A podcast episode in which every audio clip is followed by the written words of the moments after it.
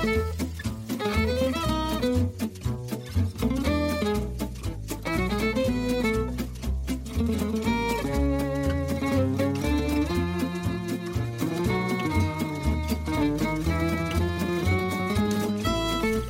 til en ny utgave av sykkelpodkasten Musett av og for procycling.no. Eh, Flandern rundt er overstått, og vi må analysere hva som har skjedd. Eh, Det er time to put the hammer down, Simon eh, Nesler og Theis Magelsen. Noen vil kalle det hammer time, kanskje. Jeg vet ikke om du er så flink til å danse, Simon. Eh, nei, det er jeg ikke. Så vi får ikke noe hammer time-dans her. Det får får så være. Nei, jeg burde helst fått av deg, Theis, men du er dessverre kun med oss via lyd i dag, så det blir vanskelig, Kameratrøbbel. Vanskelig å se den flotte dansen du kanskje kan prestere. Det, det er jo det som er fordelen nå, at jeg kan gjøre masse feiringer og ta Så jeg, jeg sitter og kommer til å gjøre sånne ikoniske feiringer gjennom hele sendinga uten at dere ser meg. Kommer til å skyte som eh, Contador og fyre av piler som Fletcha, og så vise stygge britiske håndgestikuleringer, akkurat som Cavendish.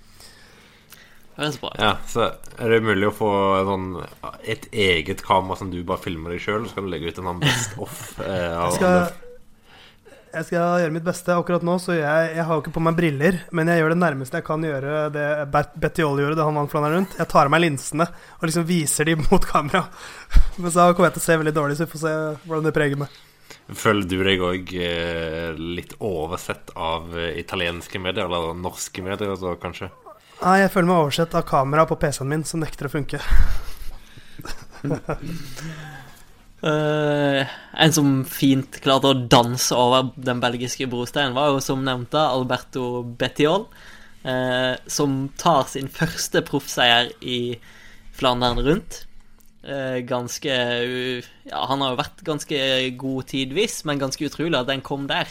Ja, han, ja, han var jo en outsider, men jeg tror nok når han stakk av, eh, og eh, sjøl når han kom over Paterberg, så tror jeg nok de fleste tenkte at nå er det en eh, gjeng med veldig sterke folk bak, og en Betty Holl som aldri har vunnet før. Det her blir eh, her blir samling. Men han viste en imponerende styrke, og han så ut som den den som satt med mest krefter igjen, egentlig, fra De Montaigne. Han så jo vanvittig bra ut. Det var ikke noe tegn til å gå tom for krefter på siste, opp, siste strekke inn mot Oden heller. Men jeg, jeg tror det er litt viktig det Simon sier, at hans, hans rolle i feltet er jo det som gir han litt muligheten til, til det her òg. Når det sitter ryttere bak der med haugevis av monumentseiere, og de er gode spurtere og så videre og så videre. Hvis en av de går, da er jo de andre der med en gang. Men når lille, unge eh, hva skal man si, umeritterte Betiol går av gårde, selv om han kanskje var den sterkeste, ja, Spirivippen Betiol. så, eh, så er ikke de på den med en gang, og det var jo den største tabben de gjorde uh, på søndag. Men ja, eh, delvis. Men jeg tror ikke helt de kanskje hadde kreftene til å følge det angrepet heller. For det var ganske, ganske bra trøkk da. Jeg, sleit, jeg ble så eh, entusiastisk at jeg sleit med å stokke fingrene mine på liven til Pro Cycling, i hvert fall. Ja, Så du begynte å kalle han Bettini og sånt. Du, du ser jo eh, van Avmat som eh, sitter på hjul, og som jo normalt sett skal være blant de aller aller sterkeste opp en sånn stigning som Odd Quamont. Han hadde jo rett og slett ikke sjans til å følge, så jeg tror nok eh, kanskje Kanskje kunne van der Poel vært i nærheten av å følge, men han eh, hadde brukt mye krefter underveis og satt for dårlig posisjonert inn i bakken. Så tror jeg også at eh, EF kjørte ganske smart gjennom hele, hele dagen, for de hadde jo eh, altså det, det er også ganske sjukt at eh, Alberto Bettiol vinner et moment før Sepp van Marke gjør det. Det tror jeg ikke så mange hadde trodd for ti år siden. Men uh, van Marke tror jeg tror aldri kommer til å gjøre det heller. Men, men de kjørte veldig smart med hele laget sitt, og de har jo et av faktisk noe som man jeg, meg, jeg glemmer det hver gang jeg tenker på klassikerne, er at de har jo et helt fantastisk klassikerlag. Og det er jo ikke blitt noe dårligere i år. Ja, det er jo restene fra gamle Garmin sånt når Hushovd var der, og da var det jo virkelig det beste klassikerlaget, egentlig, med Hushovd og von Sommeren og Hammond og Clear og Housler Hausler og flere. Farrer. Eh, Dan Lloyd. det er Lloyd. Eh, eh, så får jeg bare påpeke at jeg tror veldig få trodde at Betty Joll skulle vinne et monument for ti år siden. Eh, jeg tror jeg ikke han trodde selv engang. Nei, da tror jeg du har veldig mye tro på en 15 år gammel rytter. Men eh, EF kjørte fantastisk. Ja. De, var, de satt med tre ryttere og etter splitten på uh, Mur med uh, Bettiol, Modelo og Breschel. Og så var de jo aktive hele veien derfra. De satt eh, i front inn i Odekvar mot andre gang, og så satt de med tre ryttere blant de fem første. Og så når eh, van Berg angrep, så snakket de kort sammen, og så gikk eh, Mark etter. Og da var det jo hele tida eh, Du kan si på, på forskudd. Eh, og så når da van Marke må slippe opp hot hånd, så, så kommer jo Betty Jolle opp. Eh, og Langfelt. Eh, mens van Marke da ofrer seg totalt inn i kom mot andre gang, hvor han igjen da sørger for at både Langevelt og Betty Joll kommer inn i strålende posisjon. Og så eh, angriper jo Betty Joll, mens Langevelt eh, er god på eh, Om ikke sabotere, så i hvert fall sørge for at det, det ikke går kjemperaskt i gruppa bak. Og så, det var en rett og slett strålende lagseier. Og eh, de har jo Andreas Klier i, i, bilen bak, og sendte melding til Kristoffer Skjerping òg etter at Betjol vant, for de var jo lagkamerater i to år. Og han sa jo det at eh, Klier er jo en av de som, er, som kjenner de veiene absolutt best, og vet absolutt eh, hvor du skal være foran. Uh, så et strålende utført lagarbeid. Ja, altså, uh, i tillegg til at Betty Hall Eh, kanskje var den aller sterkeste, så virka Langefelt å være helt utrolig bra form. Han, det virka som han hadde full kontroll på, på, alt som skjedde bak. Jeg vet ikke om han kanskje ble litt distansert på Paterberg, men det var ikke mye. Og brukte litt krefter med å være smart med å være først inn i Paterberg der, så det blir en ekstra mann å runde for de andre. Så jeg tror han kan bli ganske farlig i, i Robé òg. Også, også, den jobben som Langeveld gjør på slutten her, de siste 13 km inn mot Ordenarde, hvor han, eh, han er med på å gå rundt, men han dreper jo rytmen hver eneste gang. De, de, de få gangene det begynte å se ut som det kunne bli litt kjør, så var det plutselig han framme, og da synker tempoet. Alle angrep var han på. Han var jo Det var, det var ikke bare en, en vanvittig sterk Betiol, det var også et uh, veldig, veldig veldig bra lag som uh, sto bak han. 100% lojale. Så de, de brukte egentlig litt uh, The Cunning quickstep-taktikk mot, uh, mot, dem selv. Ja, det, altså, det er jo det de sitter igjen med etter etter at EF Education First var det beste laget. Eh, de var bedre enn de Cunning quickstep, og de var bedre enn eh, Jumbo Visma, som på en måte var de hovedlagene jeg snakka om i forkant. Kanskje sammen med, med trekk òg, men ja, EF kjørte et strålende ritt. og Tom Scully òg satt jo lenge med, og så brukte du da Breschel og Modelo tidlig etter den splitten og Gerhardsbergen, og så Finni gjorde sikkert en god jobb, han òg, tidlig, tidligere ritt. Altså, et gjennomsolid lag som eh, nok eh, kommer til å ha vel så bra i Robert når eh, Van Marke får enda en uke til på seg, og Langefelt og Finni er vel kanskje enda bedre der òg enn i Flandern. Så de skal bli veldig tøffe å slå neste søndag òg. Og så ser vi nok en gang hvor stor fordel det kan være, eller det er, å ha, et, ha det beste laget i, i Flandern og se hvor, hvordan man kan bruke det på en god måte også. I fjor så var det jo Quickstep som vant med Terpstra. Eh, dro stor fordel av, av laget sitt. Eh, Gilbert før der igjen, som også hadde en bra fordel med at han hadde ryttere med i gruppene bak. Så det viser seg at sykkel er en lagsport fortsatt, dere. Den virkelige genistrikken kan jo faktisk ha vært når Lange Langefelt uh, kjørte opp gruppa med Kristoff og Sagan og Matthews eh, opp eh, Ode Quarmont etter at den første splitten kom. Og hadde, hadde de Ja, det var den syv-åtte ryttere som var der først, med, med van Armat og Nasen og de, de, sterkeste i bakkene, da, sånn sett. Eh, og de hadde de sikkert kunnet samarbeide mye mer enn den 17-mannsgruppa endte opp med å gjøre til slutt. Ja, det var jo Du ser hva som skjer når det kommer noen eh, enda sterkere spurtere opp. Da dreper det jo den lille motivasjonen som var der, til å kunne kjøre inn noe som helst. Eh, vi snakket jo litt om i forrige pod eh, at vi regner med eh, avgjørelsen i rittet kommer til å falle eh, ja, rundt Kreuzberg, Taenberg, der omkring. Alle det gjorde i fjor, men nå falt jo faktisk avgjørelsen på, på måned, Og det virka som det ble et veldig tøft ritt for de fleste, som gjorde at avgjørelsen falt litt seinere. Ja, det var veldig seigt. Eh, det var et par kilometer lengre, men det var òg eh, litt av den medvinden som eh, gjorde at det kanskje ble enda tøffere, de, den transportbiten inn til bakkene. Så det ble fryktelig seigt. Og du, du, ser det på hvordan det gikk i de siste bakkene, at der var det ikke det der kruttet en ofte har. Det, det var sånn en veldig seigliva seleksjon, så det nok, det, var nok derfor vi ikke fikk en tidligere Tidligere de store angrepene, for de vent, lot jo egentlig vente på seg til Kvarmont. Ja, og det var, det var, jo en del angrep, men det var liksom aldri den eksplosiviteten, da.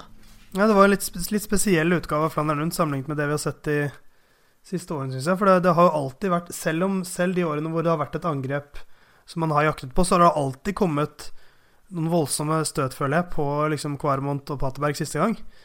Men uh, som dere sier, det var angrep, men det var bare helt dødt. Så det var en litt sånn Nei, en, jeg syns det var en uh, fascinerende utgave av Flandern rundt. Det var, det var ikke det jeg forventet. At, at det skulle bli Petiol som vant, selvfølgelig. Det forventa jeg ikke.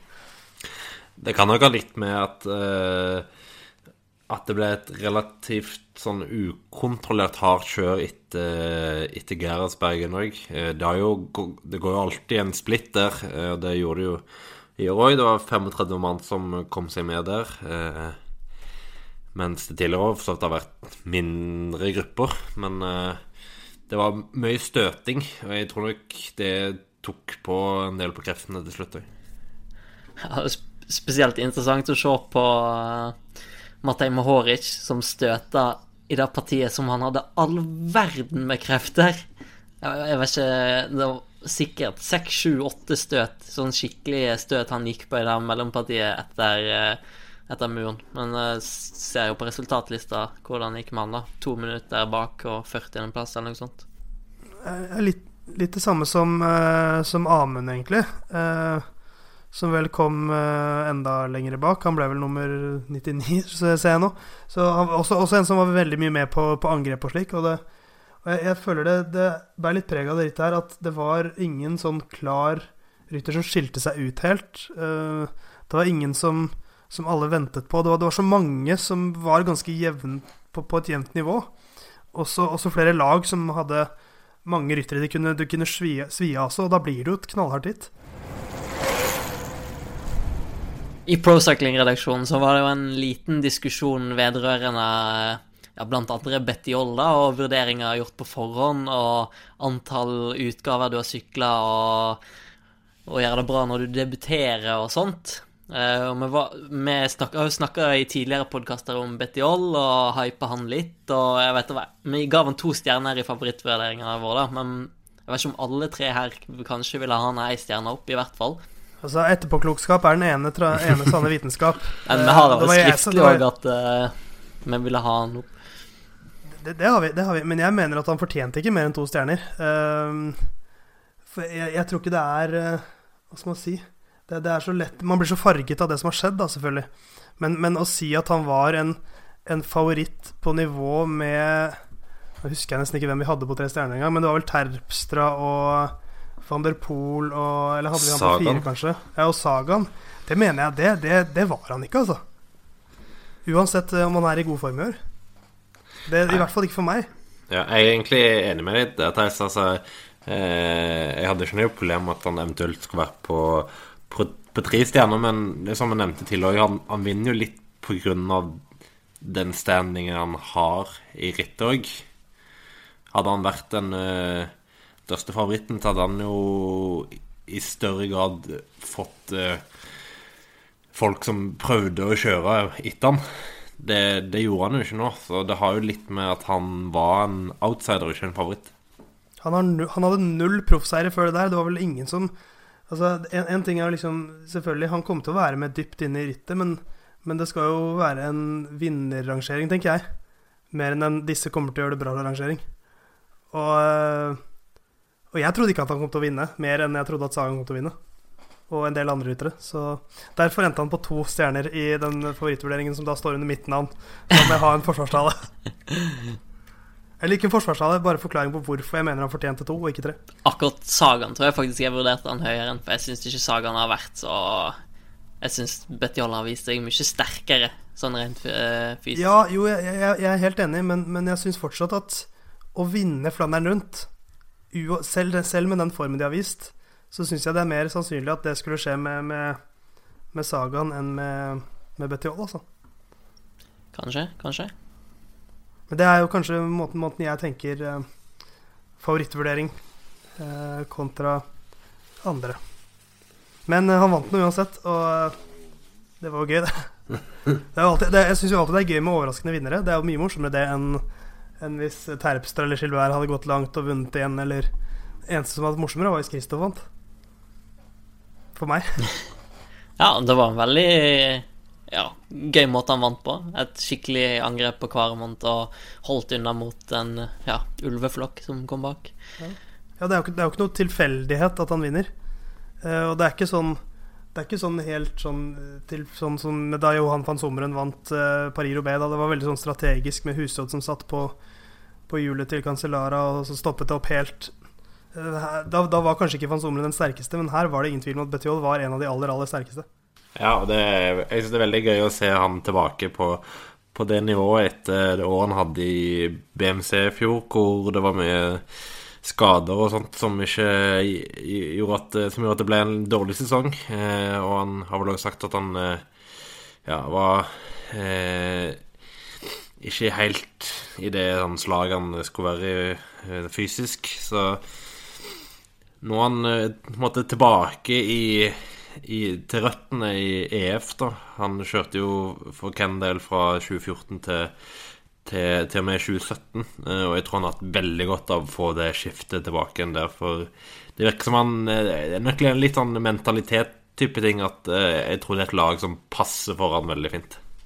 Daniel Freeb har jo tweeta litt om uh, Betjol og snakka litt om han i, i Cycling Podcast. Og han tweeta her i går etter Betjol vant, at i første proffsesongen hans så eh, sto Betjol av Amstel, Baskerland, Liège, Tour de Fjords, faktisk. San Sebastian, eh, Vattenfall og Eneco. Og jeg tror òg eh, nevnte at han hadde en diskusjon med Jonathan Waters på at eh, Og der Waters var ganske enig i at Betjol ikke kom til å bli noe. Det her var vel rett etter Betjol hadde kommet over i den fusjonen fra Cannondale til Garmin. da. Ja, det, det, jeg syns det er noe av det som gjør denne seieren enda større og enda vakrere for meg, er nettopp hvor han kommer fra.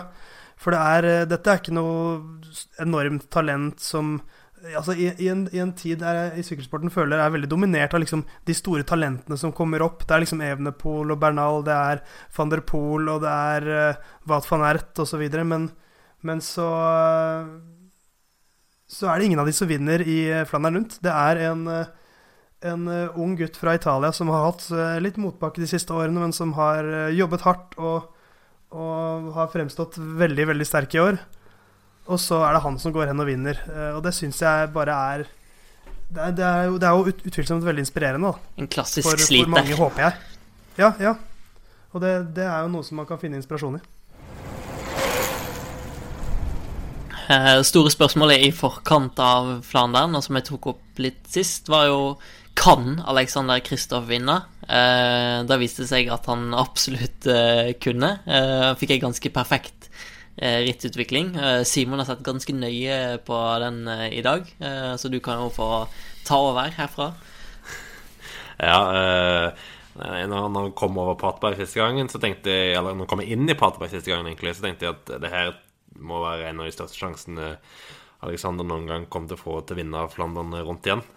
Det det så jo ikke alltid sånn underveis ut i rittet. Han satt jo veldig fint med de første 15 milene, hvor UAE stort sett satt eh, fint.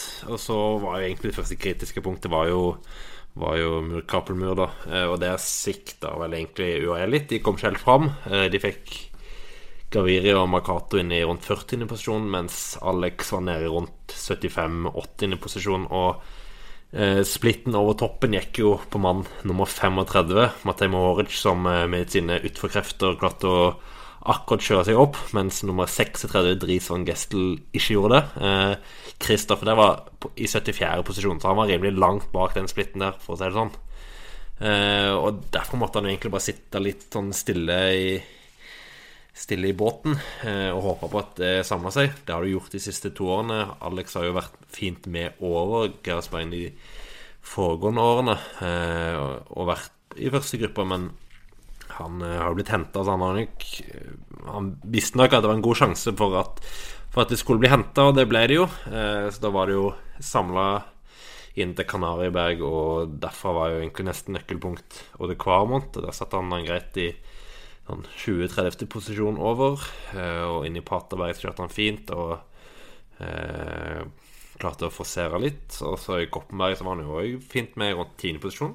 Det virket å egentlig være en bakke han eh, takler veldig bra. Så jeg syns alltid kjører relativt bra der. Han snuste litt på et mellombrudd før Koppenberg. Det var jo det han eh, nevnte i en sak vi hadde ute rett før start, at han gjerne ville prøve noe før der.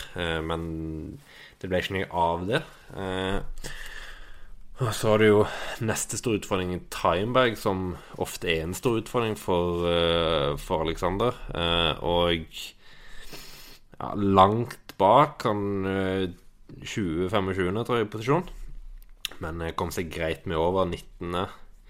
posisjon over. Det var en ganske Eh, det ble en splitt først, men det samla seg litt sånn over eh, toppen. Så greit med det òg. Og så kom vi til, til Kreuzberg og Hotond, hvor han igjen var egentlig litt kjørt av. Det er egentlig som mest kritisk ut foran. Eh, satt igjen i litt sånn halvdårlig posisjon.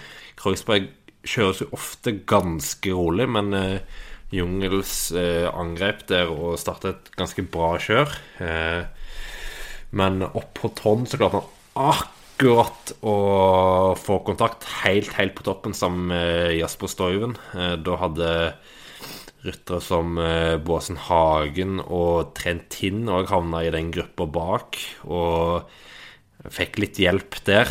Og så gjorde han da siste, siste delen av jobben sammen med Stoiven og kom seg akkurat akkurat opp, og da var de en eh, Da var de en 20 eh, ryttere eh, over der. Prøvde seg igjen i et forsøk på mellombrudd inn mot Kvarmont, men det heller ble ikke noe av. Og så satt han egentlig relativt bra med Kvarmont. inn i rundt 10. posisjon og over i ja, 12.-13. posisjon. Var bak en liten splitt, men eh, en av de beste kvarmåtene han har kjørt, for det er jo bakken han først og fremst har eh, store problemer i. Eh, og så inn i Paterberg er det normalt sett veldig god bakke for, for Alexander. Der var han for langt bak, dessverre. Han var i ja, hva ble det 12.-13. posisjon. og han kjører jo bra opp der, og han er i, i 15 sjette posisjon over. Så han, han forserer, men han er for langt bak til å, til å kunne være med de aller første over. Så det var der Steinar mente Alexander òg mista seiersmuligheten. For hadde han vært med i en liten gruppe og der, så hadde det kanskje vært lettere å få et samarbeid, for det viste seg jo veldig vanskelig etter at den gruppa da samla seg i utforkjøringen ned fra Paterberg. Så eh, konklusjonen er vel at Alexander Kristoff gjorde egentlig nesten alt riktig. Jeg, sy jeg syns ikke man, altså han, han, gjør jo så mye riktig i det rittet her. Og, og, eh, når han havner i den gruppa på slutten her, så har jeg sett mange som er forbanna på quickstep, og mange som er forbanna på at det ikke, ikke fungerte samarbeidet der. Men, men, det er jo bare klassisk sykkeltaktikk. Det Alle vet hvor, far, hvor, hvor giftig Kristoff er i en sånn situasjon, og så var det andre sterke spurtere der òg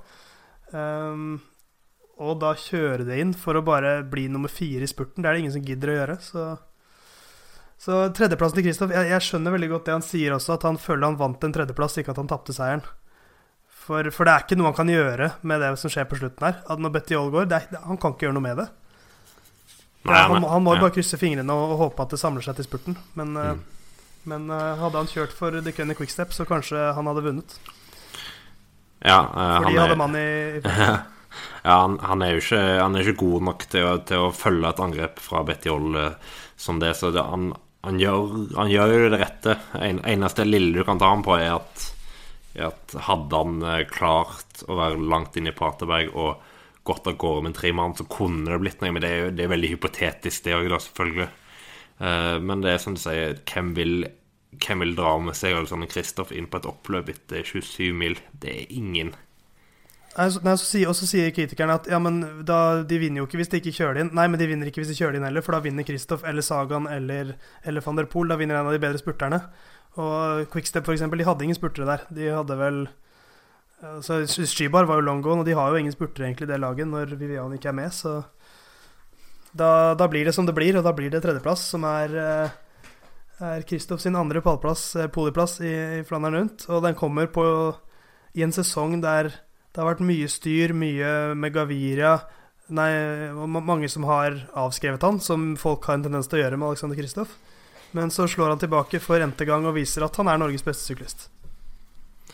Ja, så det, det er som du sier, det. Altså, det kun Quickstep har Lampart og Askren i, i gruppa over Paterberg, så kommer Jungels opp med åtte kilometer igjen. Eh, det eneste du kan diskutere om de, de skulle gjort, var om de kanskje skulle ofra en mann, og så kjørt ned eh, Kjørt ned forspranget til kanskje ti, ti sekunder, og så gått med Gått med en av de. Ja, gått solo. Så kunne han kanskje kommet seg opp til Betty Holt, men alle er jo så slitne på et sånt tidspunkt i rittet at det er vanskelig å det er vanskelig å si for meg om den taktikken. De ender med en andreplass, eh, som jo de må være fornøyd med etter den dagen de hadde. Gilbert tydeligvis eh, svekka etter den sykdommen han hadde tidligere uka, og Styber hadde òg blitt eh, sjuk eh, i løpet av helga, så han så da da, da mister du to av dine sterkeste ryttere, og da, da, når du da får en andreplass med Kasper Asken, så tror jeg de egentlig er de er veldig godt fornøyd. Eh, og det det er jo litt som du sier, de hadde hatt en Viviani. Hadde det vært sånn som i Gent Wevelgem, hvor Quickstep ofra alt for å kjøre inn i gruppa, så, så kunne det jo gått for, uh, for Kristoff, men Viviani har jo ikke så mye han skal gjøre i det her etter, egentlig. Det, det, er for tøft for han. Men eh, det gjør jo det fristende å tenke med, leke med tanken på en Alexander Kristoff i det kunne Quickstep, for det, det hadde jo vært en, en veldig spennende overgang med tanke på nettopp en sånn situasjon?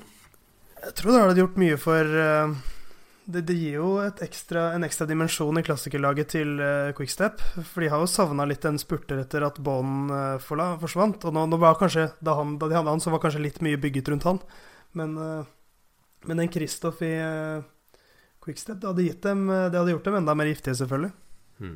Men da må han samtidig òg nok eh, gi seg på litt av det, de vanlige massespurtene i et lag som har Jacobsen og Hodge på vei opp. Eh, I tillegg til Bibiani, som vi vet jo er, er veldig god. Eh, da, da, begynner det å bli trangt i de vanlige massespurtene. Så det er jo nok det som gjør at det kanskje ikke er, er så aktuelt. For eh, en ren klassikerting eh, så hadde det vært en drømmeovergang for begge parter. Kanskje om noen år, når han er blitt litt treigere, men fortsatt har den enorme motoren sin og fortsatt en bra spurt, og kanskje forstår at ok, jeg kan være opptrekker for uh, Hodge eller hvem uh, enn som er deres beste spurter da, men jeg, jeg spurter i klassikerne. Mm. Det er en interessant tanke, i hvert fall. Du eh, hørte da nok eh, først her på Musett, eh, vinneren i damerittet. Eh, Theis Magelsen leverte den spådommen, så du kan jo få få si det her nå òg, Theis? Ja, det er jo eh, selv en uh, blind høne finner korn av og til, som jeg pleier å si. Uh, nei, men hun er jo helt vanvittig rå for tiden, uh, som jeg vel var innom i forrige podkast også. Hun har selv etter Forlanderen rundt ikke vært dårligere enn nummer åtte så langt i år, på ti rittdager. og hun har bare to ganger vært utenfor topp fem. Så at hun skulle vinne Flandern rundt var vel ikke noen sånn bombe på samme måte. Det var, jeg tror nok oddsen var lavere der enn for eh, Betty Hall. Eh, men hun, eh, hun var jo helt rå. Og de andre vi tipset, også, tipset om også, nemlig Annemiek van Fløyten og Marianne Foss, var også veldig, veldig gode. Med over Odo Kvarmont alle tre. Men Foss punkterte jo inn mot Paterberg. Men skal, Men, skal du eh, kanskje si hvem hun er? For du har bare sagt hun så langt. Har jeg ikke sagt Marta Nei. Bastianelli? Nei. Nei, ok. Det, da, da kan jeg si det. Marta Bastianelli vant uh, i en spurt der hun satt ikke nede i bukken og spurtet. Så dere, dere fikk med dere det? Det var en Ja. veldig spesiell spurt. Jeg tenkte umiddelbart min kritikk mot eh, Katrine Aalerud. Ja, Man skulle jo tro at en sånn, så god spurter ville tenkt såpass langt, men Ja, men hun sto vel ikke og spurte så masse etter hvert. da Satt vel veldig, veldig masse. klassisk sånn uh, sittespurt. Og hun er jo en så mye bedre spurter enn uh, enn van Fløyten. Hun kunne sikkert uh, hevet armene, holdt jeg på å si. Men, eh, men hun var jo vanvittig rå. Hun, mange trodde at hun kom til å sitte og vente på Vente på spurten, nærmest. Bare følge hjulene. Men hun, hun angrep jo på eh, Ode Kvarmont.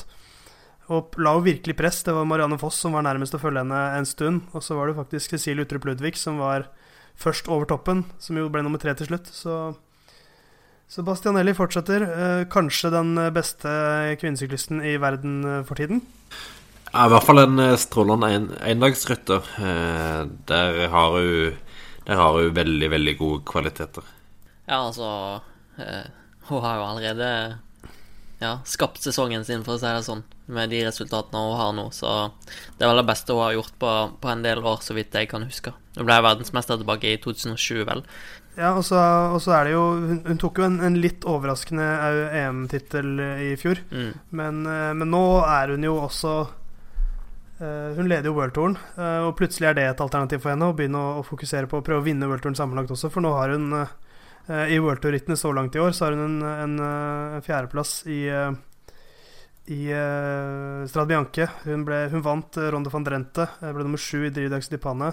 Fire Gent Wevelgem og vant Flandern rundt nå. Så uh, hun Bastianelli er i, i så god form nå at uh, Nei, det har vært en genial signering for Team Virtu. Hun forlot jo Aleki Polini eh, i fjor, så Det var en, eh, en strålende seier, selv om hun spurtet uh, oppe på hendene.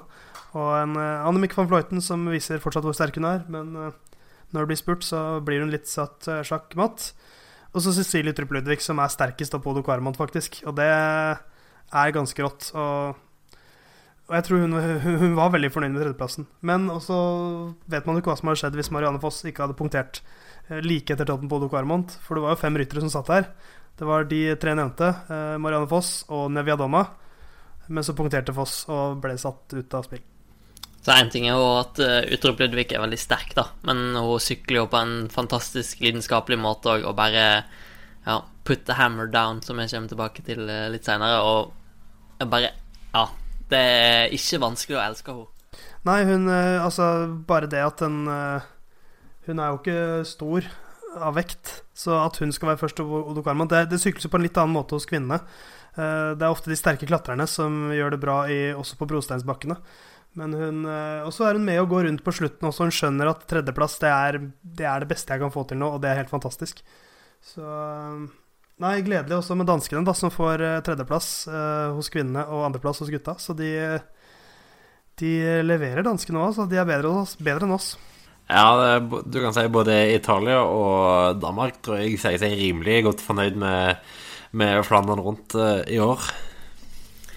Men eh, ja Var ikke helt borte vekk med norske heller. Vita Heine gjorde en ganske kurant prestasjon. Ja, det var godt å se, altså. Hun var jo eh, Hun var jo, satt jo med dypt inne i finalen og var med inn i, inn i Odo Kvarmont da den skulle sykles, så Vita får absolutt godkjent.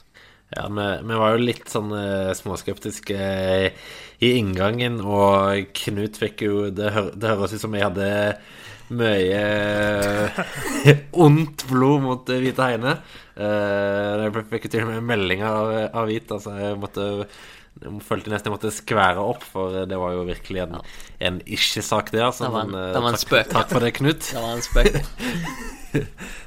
Men ja, hun, hun, veldig fint å se at hun igjen leverte veldig bra. Hun starta sesongen eh, på bra vis, og så har det kanskje ikke vært helt fullklaff i de siste rittene, men eh, her så eh, imponerte jo eh, egentlig gjennom stor del av dagen. Langt framme i flere viktige partier. Så var det litt blankt bak inn i Odd Kvarmont, dessverre, og fikk ikke helt til spurten. Men eh, alt i alt en veldig god prestasjon. Og Hightech kjørte òg bedre som lag enn jeg har gjort i mange andre ritt. De hadde en, en rytter i, i bruddet eh, tidlig. Eh, Chanella Studje var vel det. Eh, og det jeg savner litt for Hightech tidligere, at de prøver å involvere seg tidlig i ritten i stedet for bare å, å vente. Så tommel opp eh, for en god innsats.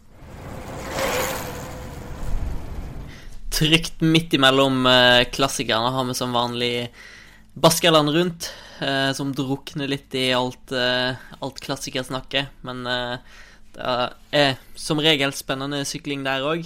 Seks etapper. Starta med en tempo i dag, og så har vi seks veldig kuperte etapper. Og endte med en ganske heftig seier til Maximilian Schackmann i dag, som fortsetter den gode formen fra Catalonia rundt.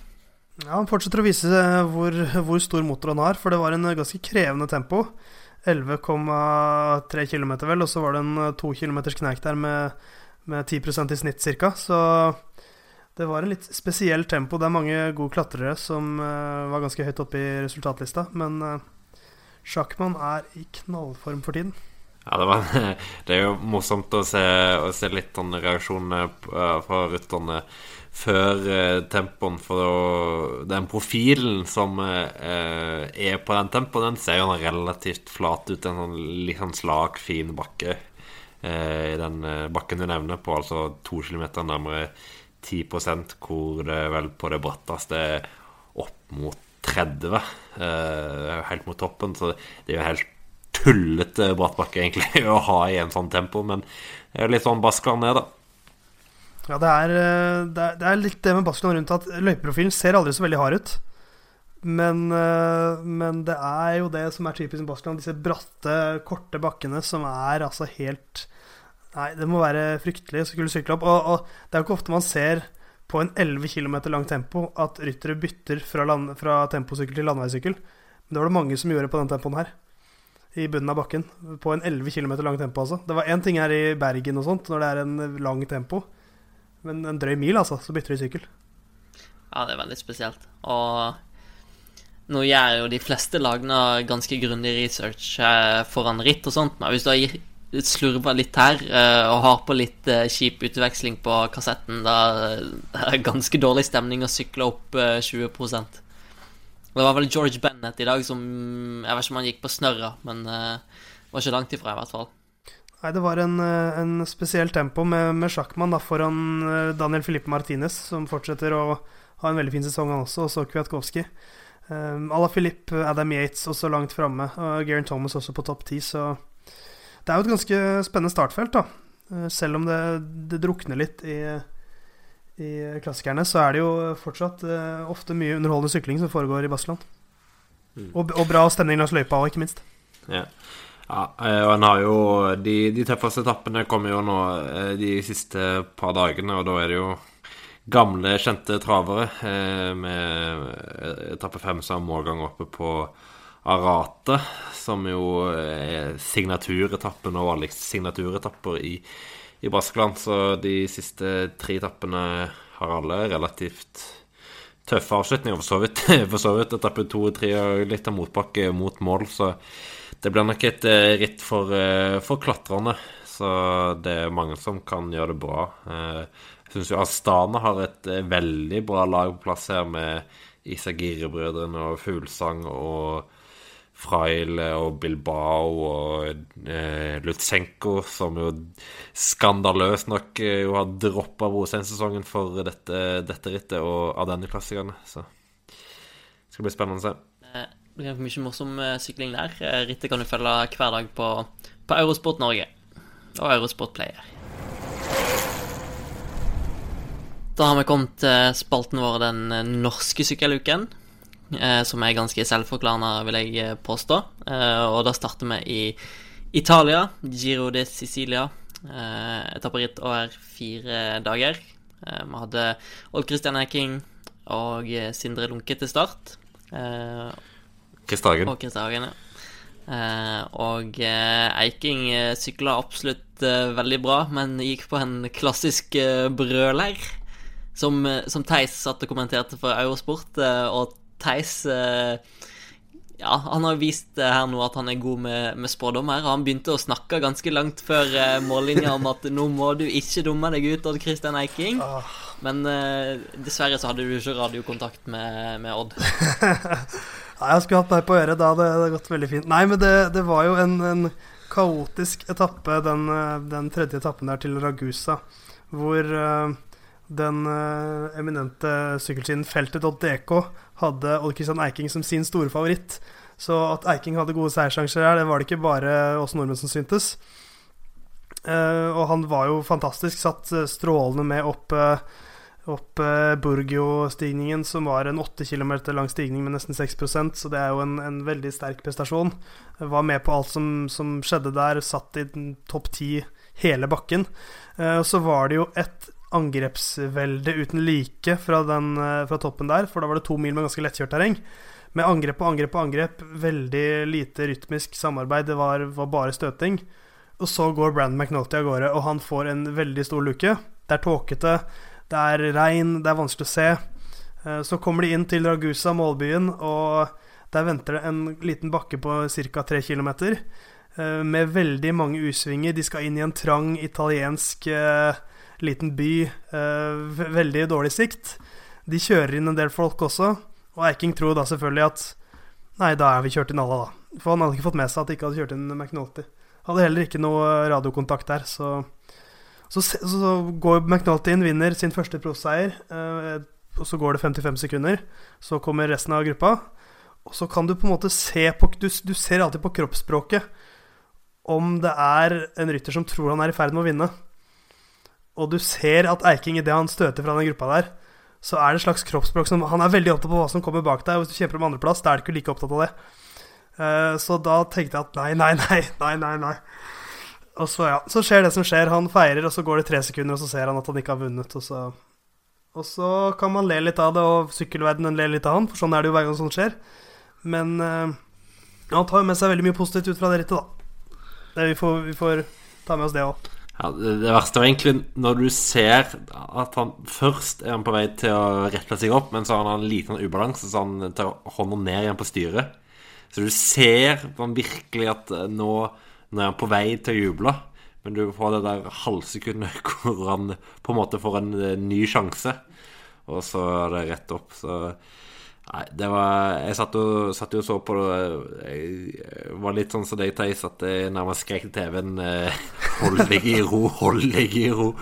Men eh, nei, det, det, det er en pussig fenomen, det greiene der, for eh, eh, Jeg tenker ofte når jeg ser ryttere som jubler sånn, at Tenker du ikke at du fikk den luka veldig billig? Eh, det kanskje fremste eksempelet er jo han eh, Korsevoi som vant i Giron for noen år siden, hvor det var på en ren spurtapp, hvor han plutselig skulle vinne etter et, eh, han, eh, en liten flyer på slutten.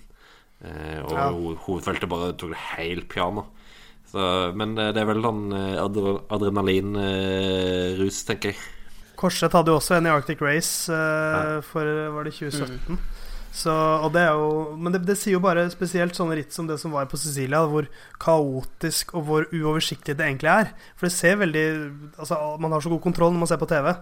Mens når man er der, og det er du, radioen din har, det regner så mye at den er, funker ikke lenger, og du skal inn i en trang gate, og det er ryttere som har gått i brudd like før bakken starter, og du vet ikke helt hva som skjer, så, så er det fort gjort.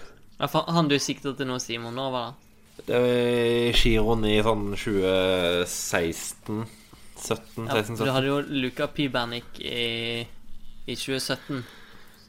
Ja, det er kanskje han jeg tenker på. Men Korsvoy har også tatt en sånn, så Ja, det er godt ja. mulig. Ja, for, Fordi det skjer jo et par ganger hvert eneste år. ja, men det som var Altså, Eiking sin hadde kanskje blitt enda større slått opp hvis det var sånn vill feiring, men det var mer sånn lettelse. Men sånn som Pibernik i, i Giroen i 2017, da var det en sånn flat etappe, og så gikk han av gårde en runde før, det var sånn avsluttende runde. Fikk den luka veldig lett, og så feirer han som en gal mann, da. Bare tror her er det sjukeste i livet mitt skjedd, liksom. og så passerer feltet, og slår han på ryggen, og du, sorry, det er en runde til der. Ja. Ja, for det, var jo litt, det er jo litt av det mentaliteten til Heiking der også. Var jo også han var en av de største favorittene. Det visste han selv også. Han, var, han sa det også selv etterpå, at han, han, var så fokusert på å vinne den dagen. Og da glemmer man kanskje at man må kjøre inn alle også, for så, man blir så fokusert på det som skjer rundt deg. Um, så Nei, men så, så syns jeg han kommer ut av det med hodet hevet. Han går i brudd på etappen opp eh, til Etna. Uh, inn i stigningen der, holder, holder unna en, en, god stund og setter opp uh, etappeseieren til lagkompis Guillaume Mathai veldig fint. Så, så uh, jeg syns det, det, han viser der, er en Eiking som klatrer bedre enn han har gjort på veldig lenge. Og han har unngått sykdom, knock on wood. Uh, og han uh, blir til slutt nummer tolv i sammendraget, etter å ha brukt veldig mye krefter på Etna. Så, så sånn, selv om det ble en litt pinlig seanse, selvfølgelig, så syns jeg Eiking, uh, det han viser der, sånn rent formmessig, er veldig lovende, altså. Norske kontinentallag var òg i aksjon i helga nedover i Europa. I Belgia så sykla UnoX litt des Desmonts. Chateau, til slutt. Ja, ja. Voldsomt. De kjørte relativt bra der. Det er jo et ganske flatt ritt, men med en tempo. og Tobias Foss ble nummer fire på den tempoen, og ble også nummer fire sammenlagt. Han lå an til å bli nummer tre, men Pidcock vant den tredje etappen og ble nummer to på den fjerde, eller vant 2B og ble nummer to på etappe tre, om du vil. Eh, så han snek seg forbi på siste dag. Eh, men fjerdeplass og et lag som kjørte ganske bra underveis, var mye aktiv, og Foss plukka en del bonussekunder og sånt. Så eh, positiv, positivt fra de der, og lover bra inn mot, inn mot Flandern U23 nå til, til helga. Eh, og så hadde vi Volta Limburg, eller Volta A Limburg, som Knut insisterer på at eh, det nederlandske rittet heter. Eh, hvor eh, Ole Forfang igjen eh, viste at, at uh, den kjøringen han hadde levert i Tour Normandie, var ikke ny blaff. han kjørte veldig bra, og var veldig offensiv. Blant de aller, aller sterkeste i rittet. og ble til slutt nummer seks etter å ha støta fra fra feltet på, på, slutten. Eh, han var i en del brudd underveis òg, så sterk kjøring. Eh, og det var òg et kvinneritt. Det var ikke et uh, eh, UCI-kategorisert ritt, men fremdeles et helt eh, kurant eh, startfelt, hvor Susanne Andersen kjørte ganske bra, var med et brudd. Eh, klarte ikke helt å følge av på slutten, men ble nummer tre, så fint levert fra, fra de norske i Limburg. Et, et ritt for øvrig som hadde en herret en spurt, eller et målfoto, som var like jevnt som Kittel og Båsenhagen i Tour de France for to år siden. Eller Kløden og Vining i 2005. Enda sterkere referanse. Jeg tenkte jeg måtte ta den, den nyligste ja. referansen jeg kom på. Og angående forfang så det var et veldig fint intervju med han hos oss på procycling.no etterpå, der han leverte noen deilige sitater, så folk kan gå inn og lese det. Da er det tid for eh, neste del av eh, våre spalter. Vi skal dele ut både slakt og hyllest, og vi starter med deg eh, Ja, skal vi starte med Knut, Theis? Vi gjør det. Vi gjør det. Han skal slakte. Kalven skal slakte. Kalven skal slakte. Hvem, eh, hvem, får den tvilsomme æren eh, denne gangen? Nei, eh, folk stusser kanskje på hvorfor vi ikke snakket mer om ja, fenomenet eh, i sted. Eh, og det er ikke noe fasit på det her eh, slakt- og hyllestgreiene våre, så det er kanskje mange som syns det er litt dumt eller tullete eller hva enn. Men eh, Mathieu van der Poel får, for ukens slakt.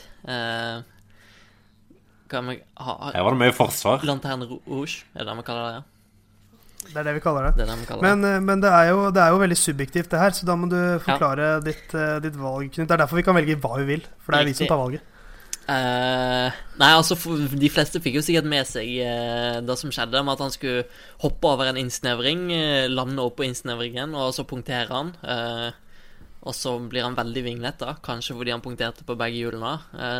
men ender i hvert fall opp med å komme seg på fortauet når han skal stoppe opp. Så holder han opp ei hånd og ei hånd på styret og trynet, eh, så hele opplegget ser jo veldig dumt ut.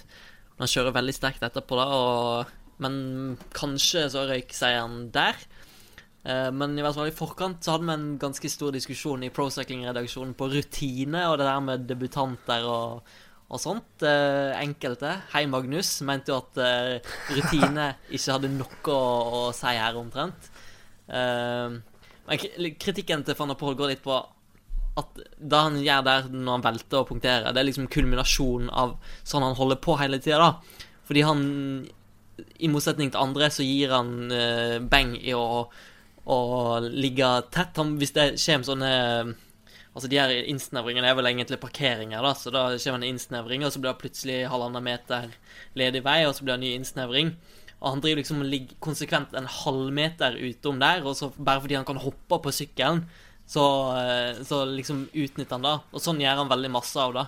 Eh, når han skal Istedenfor å ligge midt i feltet i en stødig posisjon, så vaker han veldig masse opp og ned. Og når han skal opp, så hopper han gjerne i grøfta, eller hopper her og der, og sånt. Og sånt, sånt blir det trøbbel av på et eller annet tidspunkt. Jeg ble sånn Da var jeg eh, i utgangspunktet der sett han har gjort litt sånn tullete manøvrer tidligere, og så kom denne greia, og da ble jeg skikkelig irritert og oppgitt og forbanna over at han skulle tulle til sånn som det der. Så slår han jo ganske kraftig tilbake og, kommer seg jo tilbake Altså der, han var jo, Rittet var jo ferdig for han, egentlig. Men, men, så var det jo en litt spesiell utgave av Flandern rundt, og han var vanvittig sterk. Og kom fra det overraskende bra, for det så ut som han slo seg veldig de første minuttene etter at, at velten var, var, der. Men nei, det er, det er, jo for så vidt et, et poeng. At han, han kommer jo fra cyclocross, hvor det er på en måte en helt annen type kamp i feltet. Der er det jo veldig om å gjøre å sitte i front hele tiden. Så kanskje den der at han han må bli vant til at det er greit å bare sitte rolig i feltet av og til. Kanskje han ikke er vant Han har ikke det i seg. Og han, han, han, han finner jo på ganske mye. Og, og, som du sier, jeg tror nok han Hvis han satser mer og mer på landeveien og fortsetter med slik type sykling, da, så tror jeg han kunne vunnet veldig mye mer hvis han Hva skal man si syklet litt mer normalt og sparte liksom X-faktoren sin til det virkelig smeller, da. For da er han jo helt Han har jo en fysisk kapasitet som er helt, helt vanvittig.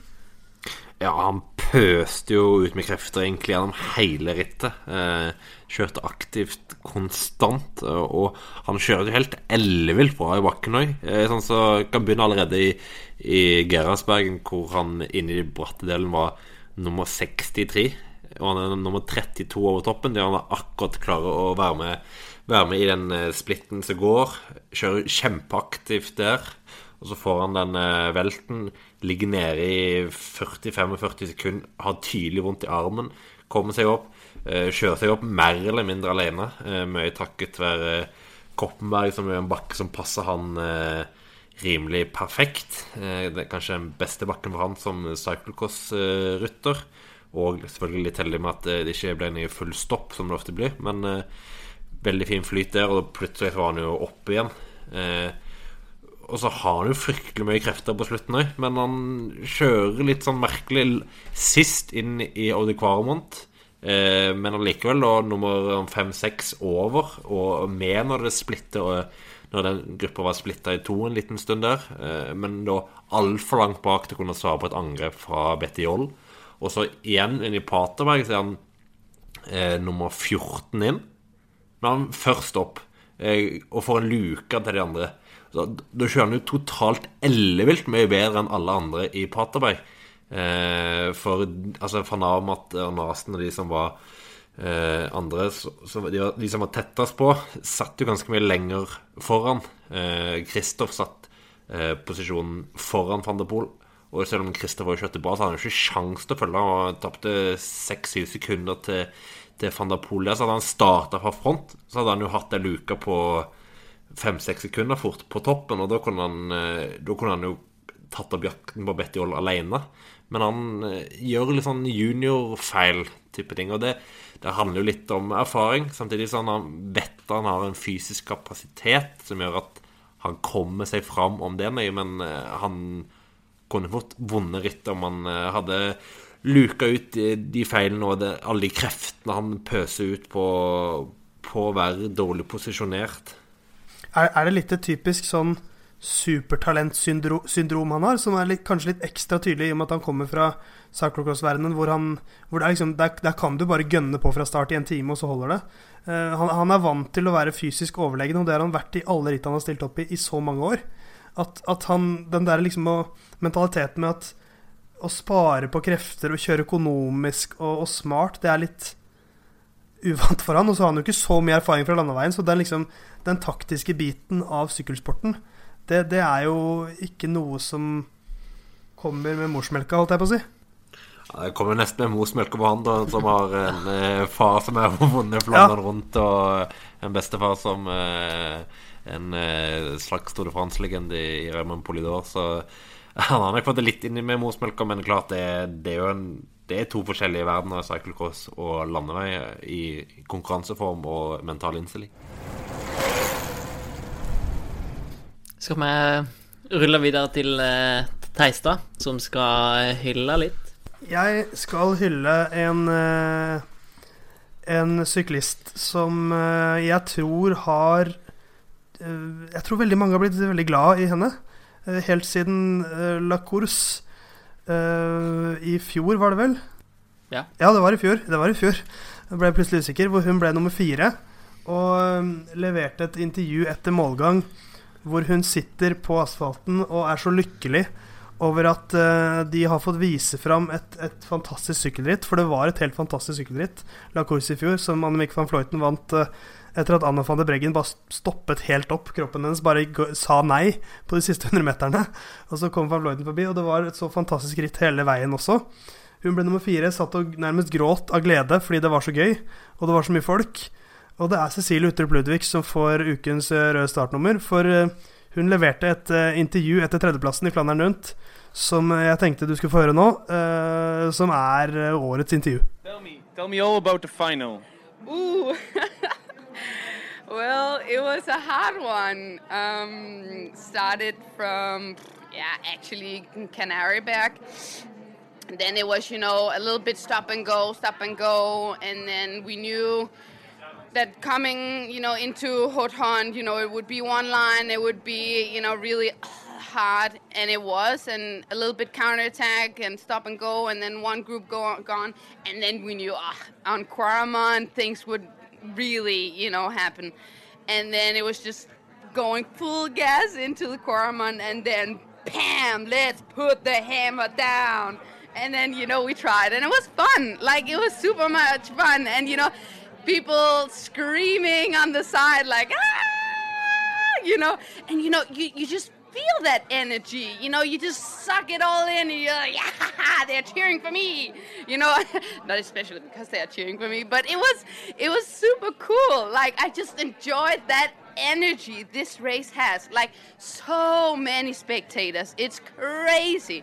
And you know this finish line is just ah oh, you can see it from far far far and you just go and you're like and then we looked back, you know, and they were coming full gas from the back. I mean, we were just like, ah, shit, shit, shit, shit, shit, shit, shit, you know, trying to, fuck, they can't go, they can't come, they can't come, oh, and then, yeah, I, I mean, I was a dead fish at the end, but, you know, it was cool, and I really, I really enjoyed today. So we have a happy dead fish. Yeah, happy dead fish. Og det er grunnen til at Cecilie Utrup Ludvig får uh, det røde startnummeret. For det er en, en, i, en, i en sportsverden, også en sykkelverden, hvor stadig flere er veldig vant med å håndtere media, og de har PR-rådgivere rundt seg som sier akkurat hva de skal si, og det er ryttere som uh, er litt sånn innelukkede og vet at det å bli intervjuet er bare en del av jobben.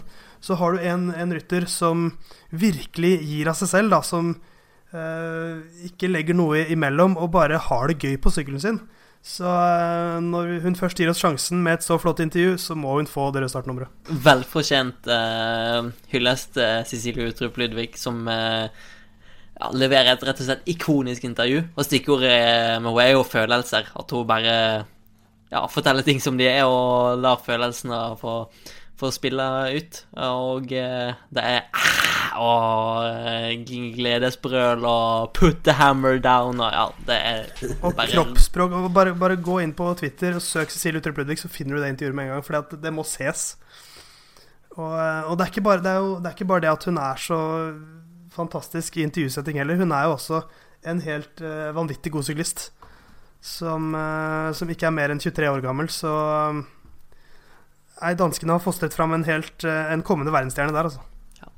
Cecilie Utrup, Utrup, Utrup Ludvig kan, eh, kan, kan, Vi kan si hun kan bli første medlem i Musett sin Hall of Fame. Ja, det er fortjent. Eh, For de som har lidd seg gjennom ja, hvor, hvor enn lenge det her blir nå, så kan vi glede dere med at det blir enda mer lidelse senere i uka når vi kommer med en Paris-Roubais spesial. Eh, Som alle husker å følge med på procycling.no gjennom uka. Og eh, se Baskeland rundt på Eurosport Norge.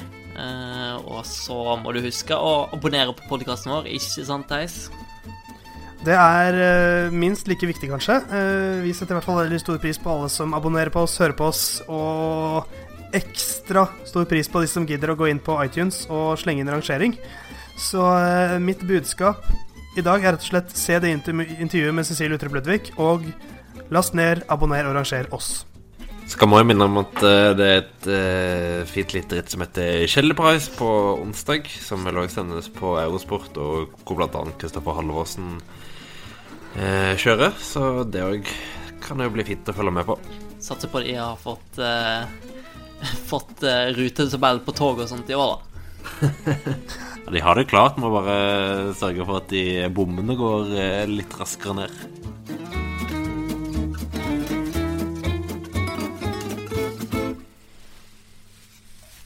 Er du ferdig? Ja. Takk for oss.